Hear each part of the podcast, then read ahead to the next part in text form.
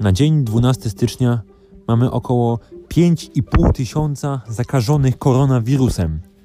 W sumie to mało. Wcześniej jak wszyscy się ekscytowali, że mamy ponad 30 tysięcy, a rząd nie potrafił zorganizować całej służby zdrowia, to niestety, ale obywatele nie są temu winni. Na wczorajszej konferencji ogłoszono, że uczniowie klas 1-3 wrócą do szkół od 18 stycznia, a dotychczasowe obostrzenia zostaną utrzymane do końca miesiąca. Super!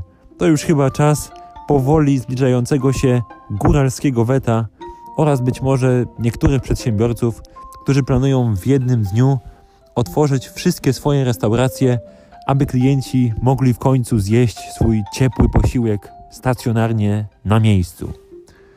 No ale jak wszyscy zbankrutują, to kto wtedy pomoże? Może ci zaszczepieni aktorzy